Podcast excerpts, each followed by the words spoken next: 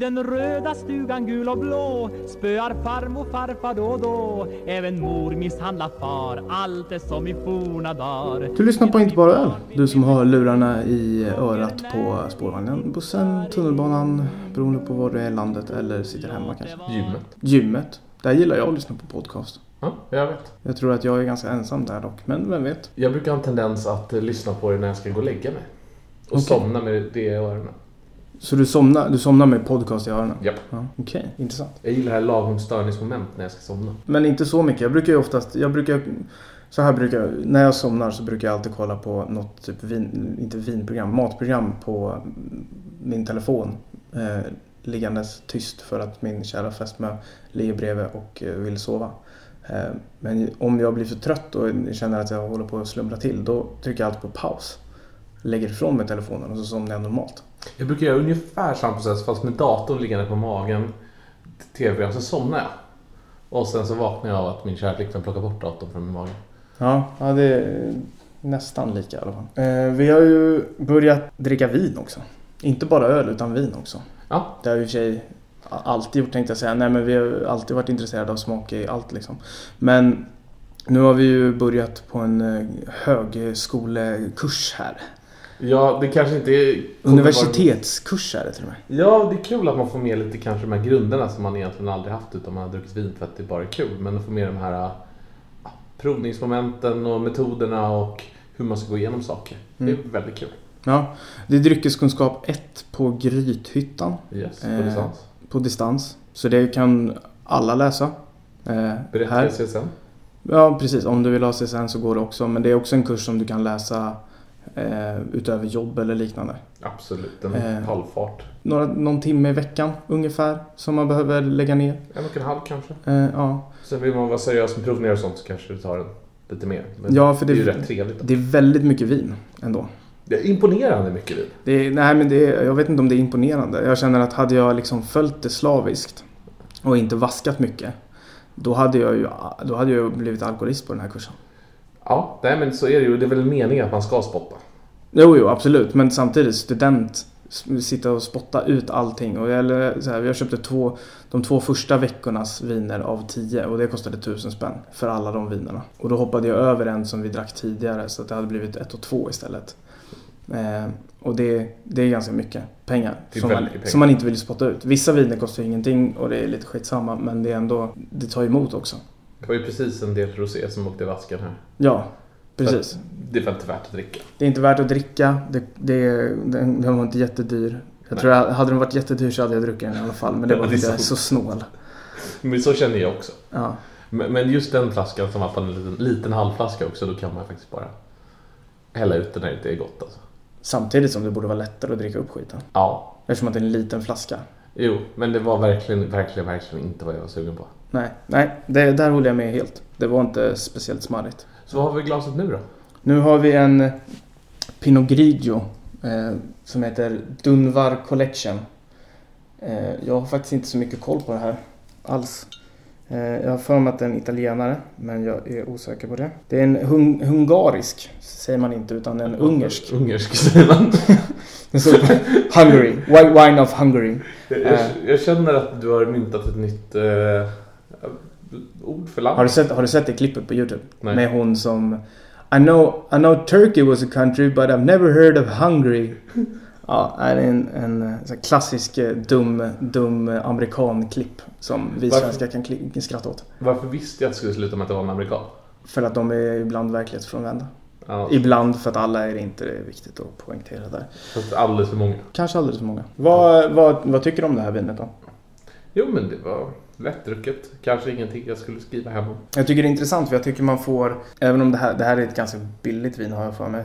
Eh, Det, det, det smakar väldigt enkelt i alla fall. Ja, precis. Men, men generellt så tycker jag att man brukar få ganska mycket för pengarna när man går till de länderna. Alltså typ Ungern, Slovenien, Chile. drack en fruktansvärt bra slovensk chardonnay. Var helt otrolig. Faktiskt på en krog i Paris. Där vi fick ett glas vin och så fick vi inte reda på vad det var för något. Så vi fick gissa Mm. på varje rätt. Vilket var jättekul. Vi tog faktiskt för många, förvånansvärt många rätt. Men, men den slovenska chardonnayen var inte någonting som var förhandsgissningen. Men eh, jag tror att det finns mycket spännande producenter i dessa länder som man helt förbiser. Ja, jag tror mig känna till att uh, Ungern är lite mer kända för typ botrytes, sötviner Tokaj. och, olika slag uh, som kan vara extremt smarriga. Så, Eh, jätte, jättekända för det. De är väldigt, väldigt, väldigt bra. Så det, det finns definitivt en tradition i Ungern av att göra det.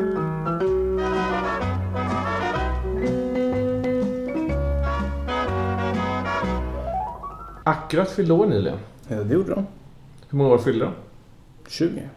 System. De borde, de borde gjort någon öl som hette Bolis eller något. Du, du refererar till deras gamla 15-års eh, jubileumsöl. Precis, som hette Vellemonteur, vilket betyder moppe på franska. Och eh, refererar då till 15-årsjubileum, de fyllde moppe etc. Det hade varit kul om det blev en Cantillon Bolis. Så tänkte, jag tänkte faktiskt inte så långt, men det var, det var helt rätt. Mm. Det här har de faktiskt gjort ett misslyckande. Ja, jo, det kanske de har. Lite i alla fall. Du, som senaste avsnitt snackade vi att du var i Mexiko, så du missade ju tyvärr den stora festen. Det gjorde jag.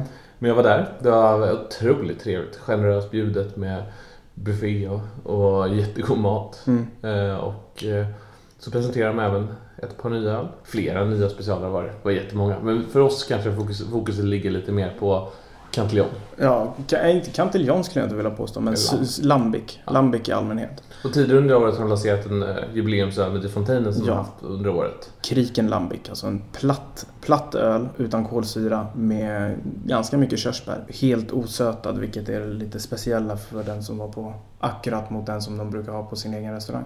Den var fantastisk. Eh, Jag tror att den är totalt slut. Jag vet inte, jag har liksom ingen in- inventarielista från, från akkurat. Men jag tror att den är helt slut, men jag vet inte. Nej, jag vågar inte lova någonting. Den fanns då. Ja. Och sen så har vi även eh, en ny, ny, inte en ny öl, men en ny batch av en öl. Nygammal. Nygammal, får man ju tänka på nu gammalt. Fredrik och Philips, eh, Filip och Fredriks program där. Eh, nej men, eh, Soleil de Minuit. Eh, Ja. Som har gjorts tre gånger nu. 99 som är det legendariska året som alla älskar. Nej men alla, alla som har provat det älskar och alla som inte har provat det blir galna för att få prova det. Ja, Vi har haft lyckan att få göra det. Trots vår ringa ålder. den är fantastisk. Den är kolossalt bra. Det kan vara är definitivt bland det bästa jag druckit. Ja, det är den enda ölen jag har gråtit över. Men nu har de gjort eh, om den igen. Och eh, skillnaden den här batchen mot den tidigare, alltså inte 99 utan den som kom 2013. Eh, tyckte jag var väldigt stor. Extremt stor. Alltså hjortronen kommer fram på ett helt annat sätt. Vi har inte de här plasttonerna som var i början på 2013 som var Mm. rätt jobbiga. Eh, fatet var ju fantastiskt. Men, men eh, det här fatet så på den nya som vi drack, eh, som du tyvärr var borta och missade. Men det var helt otroligt. Men flaskorna är jättebra. Ja, jag drack flaskorna sen när jag kom hem från, från eh, min lilla resa. Och eh, ja, men det var helt annorlunda. Alltså, det var så himla häftigt. Och jag vet att Sean är jättenöjd med den här batchen. Ja, Det är verkligen en stolthet för dem. ja. Sen så lanserade de även en till öl. ja. Och det var en helt ny öl för världen och marknaden. Ja. Eh, som jag faktiskt var, jag var på Cantillon när Sean blandade provbatchen till den här ölen. Eh, ja, och då fick jag smaka, eh, smaka den alltså innan Sten Isaksson. Nej, det gjorde jag inte riktigt för jag visste inte vad det skulle vara. Jag, eh, jag visste inte om det skulle bli den eller inte. Men då blandade han Lambicen Iris som en helkorns eh, lambic som inte alltså är en lambic. Det blev komplicerat. Förstår ni, förstår ni, förstår ni inte så får ni lära er sen. Och sen så blandar de även med en vanlig lambic. Och, ja, jag vet inte hur jag ska förklara. Alltså den, den var jättehäftig tyckte jag. Den hade... Jag funderar på, det har varit snack om konjaksfat på någon av ölen. Och jag tror att det var konjaksfat i den också för jag fick konjakstoner. Eh, mulliga äpplen och massa grejer. Jag tyckte den var kolossalt häftig. Jag tycker att man märker att den var ung. Jag tycker att den kändes väldigt ung. I, i hur den var så att säga. Jag tycker fortfarande att den smakar väldigt ungt. Och jag tror, alltså den är ju nästan gjord för att lagras. Det är det man känner varje gång man dricker. Så tänker man, åh den här om tio år kommer vara kanske bland det bästa de har gjort. Problemet just nu är att jag är livrädd att de inte kommer finnas om tio år. Troligtvis finns det en, en risk att de inte gör det. hoppas att Sten lägger undan några. Eh, Det jag hoppas jag också. hoppa... Samtidigt som han, han, måste, han måste tjäna pengar. Ja, verkligen. Och så vidare. det, det är någonting som glöms bort ibland. Ja, verkligen. Men jag hoppas verkligen att den kan eh, Få vara. Ja, få vara och lagras lite.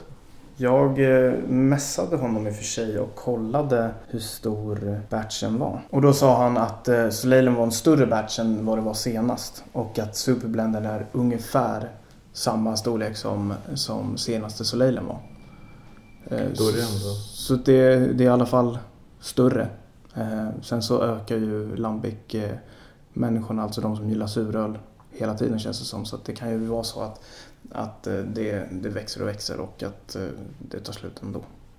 Det är ju verkligen på gott och ont det där. Man, man ibland så här blandade känslor runt att det ökar och ökar. Samtidigt tycker jag det är roligt som finns att det ökar och intresset sprids. Och det Ja. lägger grund för en långsiktig överlevnad av, av drycken. Ja. Som i stunder kanske inte alltid. Men det gör det svårare för oss också att ha en avslappnad attityd mot ölen. Ju, ju mer folk gör konstiga saker och, och, och köper öl hit och köper öl dit och säljer och man vet att flaskor är värda x antal tusen och då, då, det blir inte lika lätt att öppna och ha en avslappnad relation till ölen tycker jag. Nej, samtidigt, Det blir mer exklusivt än vad det kanske borde vara. samtidigt som jag tycker att både du och jag med åren har blivit mer och mer avslappnade till hela grejen. Vi tar det inte så himla seriöst. Nej, nej, på ett sätt gör vi inte det. Nej, vi tar extremt seriöst. Det ska jag göra klart för dig. Det kommer man aldrig undan. Men jag tycker att hur, jämfört med många andra i, i samma situation så tar vi det väldigt mycket mindre seriöst. Det är bara bärs liksom. Ja, det är bara bärs. Kanske podcasten skulle hetat egentligen. Det är bara bärs. Kanske. Fast nu är det inte bara öl istället. Nej, jag känner väl att jag vill inte bara prata öl heller. Nej. Det är mycket roligare så här. Ja, det blir lite som det blir. Vi har alltid en agenda men det brukar kunna spåra ut lite här och var. Ja. Och sen så har vi eh, Cantillon Quintessence här i maj är det va? Ja, Jag kommer inte ihåg vilket datum men det spelar ingen roll. Det är då samma bryggeri som gjorde de här specialölen för Akkurat som har en liten festival. ja. Kan man säga det? bjuder in några vänner. Ja. I år så, de har ju kört förra gången som var för två år sedan så var det Russian River och Allagash från USA. Mm. I år så är det två italienska bryggerier. Mm. Det ska bli väldigt intressant. Jag kommer inte ens ihåg vilka det var. Nej, jag satt och försökte ju precis nicka till dig för att jag antog att du skulle komma ihåg det. Men Nej. jag... Birra del Ducato har jag för mig. Ja, Och sen var det ett bryggeri som jag inte känner till eller har druckit någonting från. Men grejen med båda är att de använder lambic i vissa av deras öl. ja de gör Eh. säsongs framförallt. Ja, där de blandar i. Och den ena av dem har jag druckit och den är kolossalt bra. Duchessic va? Ja, den drack jag i, i Rom för några år sedan. Ja. Och den är makalöst häftig. Gröna äpplen, tydlig syra. Eh, samtidigt så fanns det en balans i ölen. Men i år så har de eh, massa olika öl och sen så får man gå runt i bryggeriet på den här och sen så har de stationer med, med öl och ibland tilltugg till. Och eh, vissa av de tilltuggen förra gången vi var där, alltså för två år sedan, var ju alltså kombination mat och öl jobbar vi med ganska mycket och vi, vi tycker väl att vi är ganska bra på det men jag höll på att dö alltså. Ja, vissa var riktigt spektakulära. Jag har några jag tänker på. Jag tänker på framförallt tryffelhosten. Try, ja, tryffelosten med Rosé de Gambrinus. Eh, Alltså hall, hallonlambic. Men sen även... Eh, var det makrill där till... Eh, Eh, rökt, rökt makrill och eh, något litet bröd med lite typ crème fraîche. Eh, och så var det en eh, Bruschetta. bruschetta. Det var helt fantastiskt. Ja, det var... Det var ja. Ja, de lyckades riktigt bra. Så det var roligt. Det gav en extra dimension till eventet för det blev inte bara öl utan det blev... Ja, inte bara öl. Eh, men det blev lite ytterligare och större och man fick en ännu häftigare upplevelse. Mm. Eh, sen var det hetsigt och det var mycket öl. Mm. Men eh, jag hoppas att vi kan ta det lite lugnare. Ja, det tror jag med. Tror, det hoppas jag med. Jag tror vi kommer ta det lugnare. Vi började stressa runt liksom hela... Ja. Sen men det, samtidigt så stod vi och hängde ganska länge där i slutet. Ja, det är sant. Det är sant. Eh, Det kom ju människor från världens alla hörn som man antingen kände eller lärde känna. Vilket är det underbaraste med öl. Ja, Alla kontakter och människor och ja, möten. det finns, det finns så mycket. Det är, det är sån enkelhet Ja, det är att lära känna. Och, och plus att alla, alla, det känns som att alla är välkomna. Eh, liksom tjock, smal, rik, fattig, eh, supervänsterpartist, eh, SD eh, tog emot lite att säga. Men de hade varit välkomna ändå. Kanske just politiken hade man lagt åt sidan. För det är väl det som är grejen i, i öl. Att man lägger, man lägger mycket åt sidan och låter öl vara, vara den gemensamma komponenten. Och därför kan man väldigt enkelt komma överens med folk och prata med folk och hänga med folk. Trots att man har olika livssituationer i övrigt. Vilket är faktiskt, ja, nej men det är otroligt på många sätt.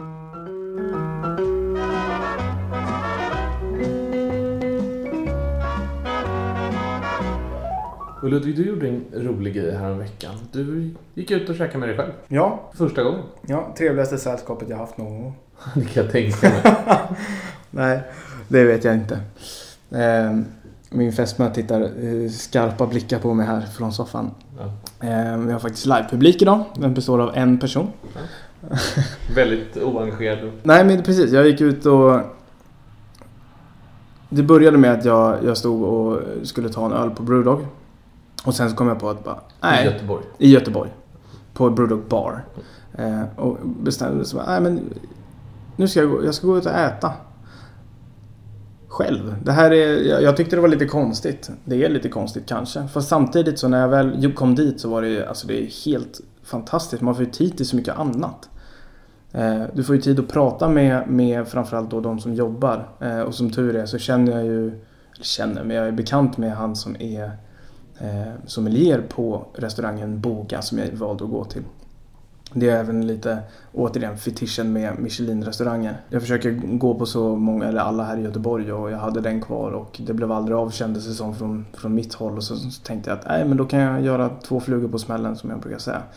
Eh, och dels gå på en restaurang som jag har velat gå på länge. Eh, dels gå ut och äta ensam och kunna fokusera på annat än, än, att, än samtalen och mer kunna tänka mat och dryck och sitta och ja, men filosofera lite.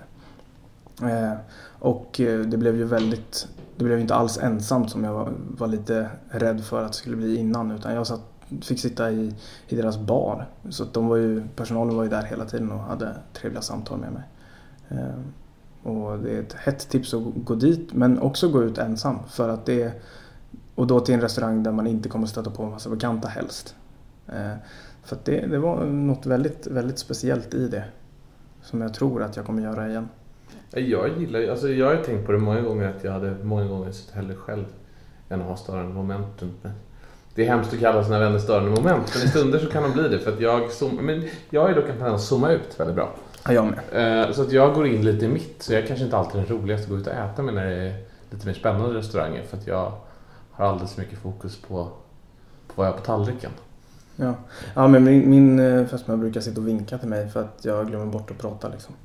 Dels, dels det som händer på tallriken. Dels vi, vinet som man kanske har i kombination eller ölen eller vad det nu är i glaset. Och dels alla andra människor på restaurangen. Det är sånt jag, jag eh, tittar på. Atmosfär, hur kyparna ter sig. Det, det är bara sånt som ofta kommer upp. Men nu kommer jag på en sak som vi måste prata om. Och det är den extrema tyngden och vikten i en bordskrapa. Alltså, Bröd, jag, var, snus jag var på väg dit. Ja. Jag var precis på väg in att jag har ju lite fetisch för service. Ja, Jag tycker ju att det är vackert när, när man har den här eleganta, lätta servicen. Det märks knappt. nej. Men också bordskrapans vikt. För att eh, alla restauranger, nästan jag varit på med dignitet, har ju en bordskrapa Ja. där de skrapar av smulorna.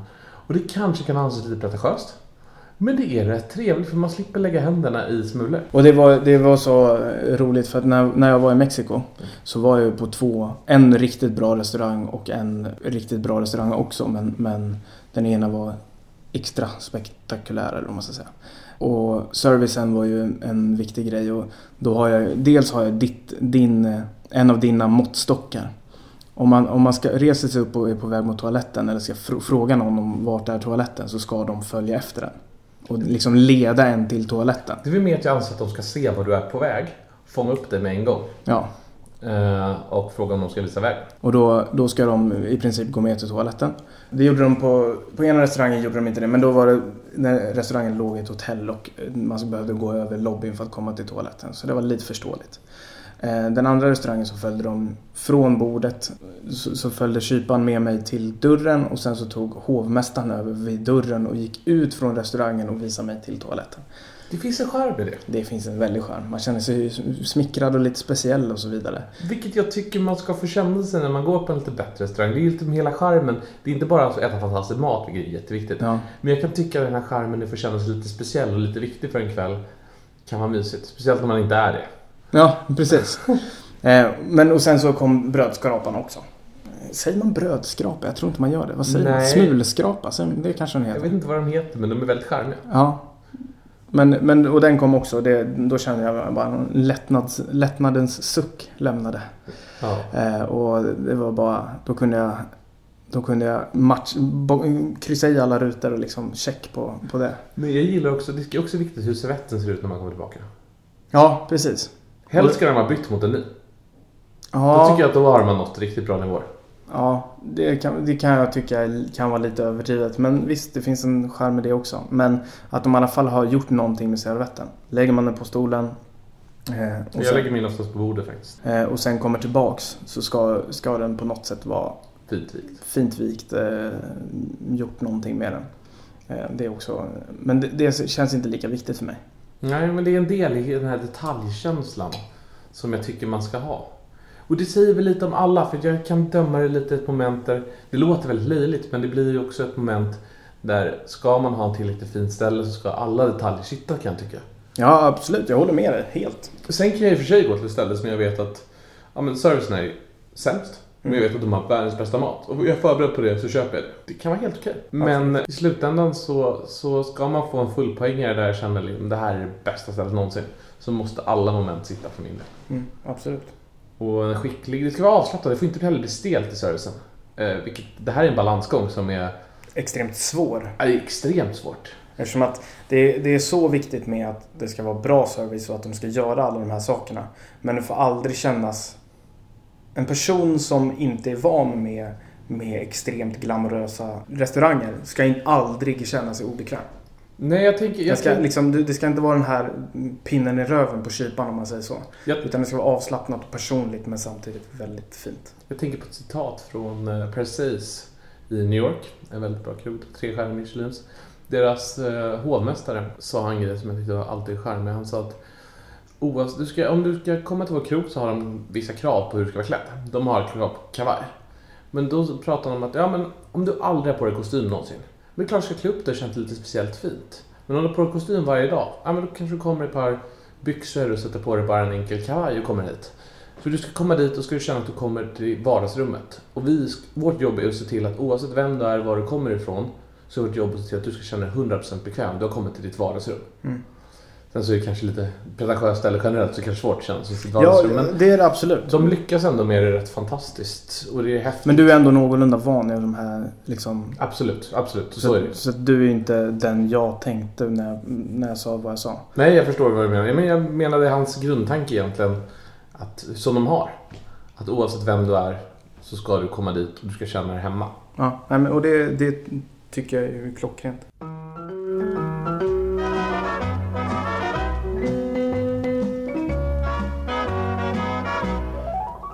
Tv-program som jag har kollat väldigt mycket på sista tiden. Jag vet inte när du kollade på det, men som vi båda två gillar. finns på Netflix. Netflix eh, tycker jag har ryckt upp sig ganska mycket med matprogram. Verkligen.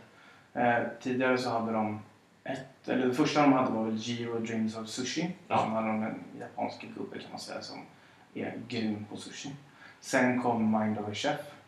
Som är sex olika kockar världen över som är galna och eh, stroke of genius. Det var väl inte Mind of Chef? Mind of Chef är det program du tänker på? Precis, jag tänker på Chef's Table. Ja. Precis. Chef's Table är sex kockar och sen så har vi börjat titta nu senaste tiden på Mind of a Chef som är ett program som leds mest av eh, en kille som heter David Chang i första säsongen. Ascool kock från eh, USA, från New York.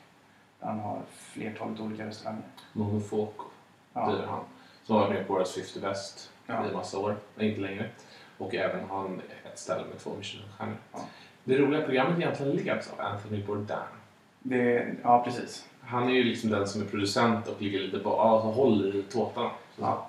Och, eh, Anthony Bourdain eh, kan jag både gilla och ogilla. Med. Han eh, var kock, slutade med det och blev programledare. Lite, lite eh, Jamie Oliver över. Mm. Så här, ja men du kanske borde fortsätta vara kock mer än vad du bara är programledare och, och liksom lever det livet. Jag har inget emot att folk är programledare och kockar men det känns också som att man måste, man måste ha foten nere på jorden, båda fötterna på jorden samtidigt och det känns som han, mer, han jobbar mer TV än vad han jobbar annat. Ja, det gör med faktiskt. Samtidigt så är ju, kommer han in i alla häftiga restauranger och alla häftiga personligheter i branschen för att han har Ja. Ja, och som sagt, ja, det är någon hatkärlek för att jag älskar honom också. För han är så sjukt skön, avslappnad. Eh, kan vara lite avundsjuk att jag vill vara som han. Inte för att han är så häftig som han är, utan mer bara jag vill ha hans liv. För Mm. att det verkar vara så himla soft. Så det kan lika gärna vara avundsjuka. Verkligen. Verkligen. Men Mind Over då? Ja. Jag tycker det är ett väldigt härligt program och första säsongen handlar ju dock, då följer man med David Chuck. Han är en rätt skön personlighet. Han tar det runt i världen. Mycket Asien, mycket Japan. Framförallt Japan.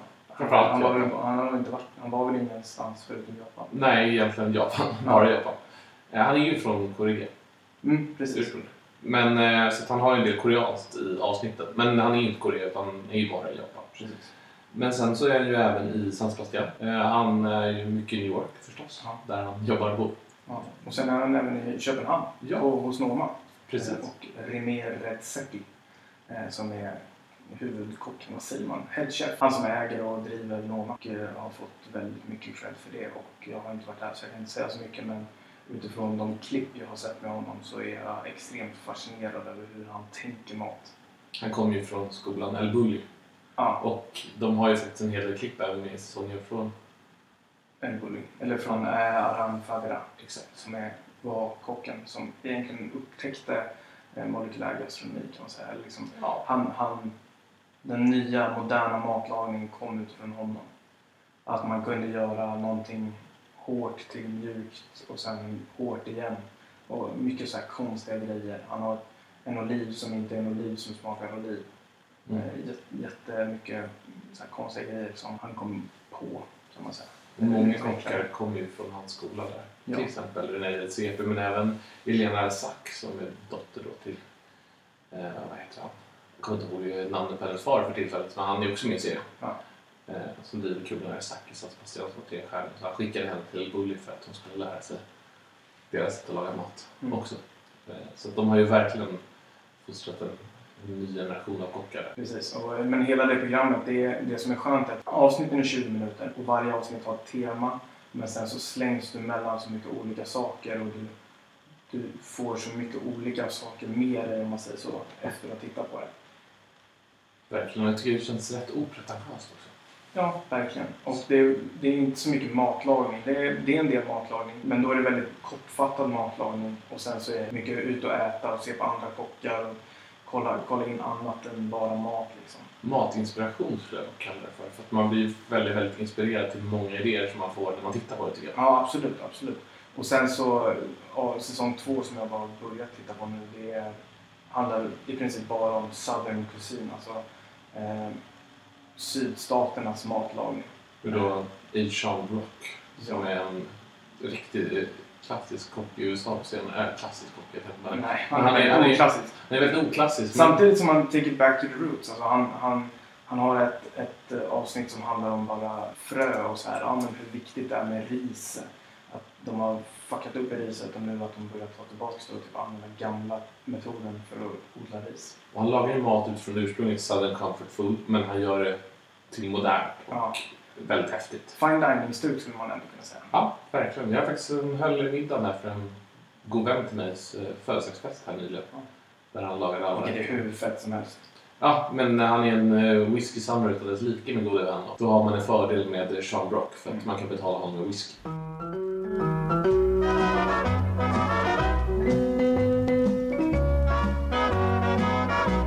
Och det var väl dagens avsnitt. Ja, men ett tips, kolla på My Chef. Hoppas vi har sagt någonting vettigt. Bor du i Stockholm eller finns i Stockholm så är ett tips att gå till Acura. Prova deras eh, lambic. Om du aldrig provat lambic, gå definitivt dit och säg att du vill prova det. Och- Prata med personalen, låt dem vägleda. Ja, det finns väldigt många olika varianter. Smaksatta, icke smaksatta, sött, icke sött och så vidare. Så det finns väldigt mycket olika. Men, och de har alltid på fat, minst en. Så gå dit för gudskelov, kan man säga så. Ja, det tycker jag. Vi tackar för oss. Ja, vi hörs eh, inom en snar framtid förhoppningsvis. Det hoppas jag också. Ja, vi ska försöka bli bättre med, med någon slags regelbundenhet. Eh, och komma ut nu såg jag att det var 23 dagar sedan senast. Lite charm att vi blir lite är 23 svårt. var Nej, det var inte. Det var tidigare avsnittet som var så. Men ja, skitsamma. Det är svårt när man inte liksom kan lägga heltid på, på Nej, vad vi gör. Vi har tyvärr ett liv vid sidan om också. Ja. Eh, men eh, Chip och hej som sa på hike. Tack och hej. Låt det vara som det är Annars blir det bara värre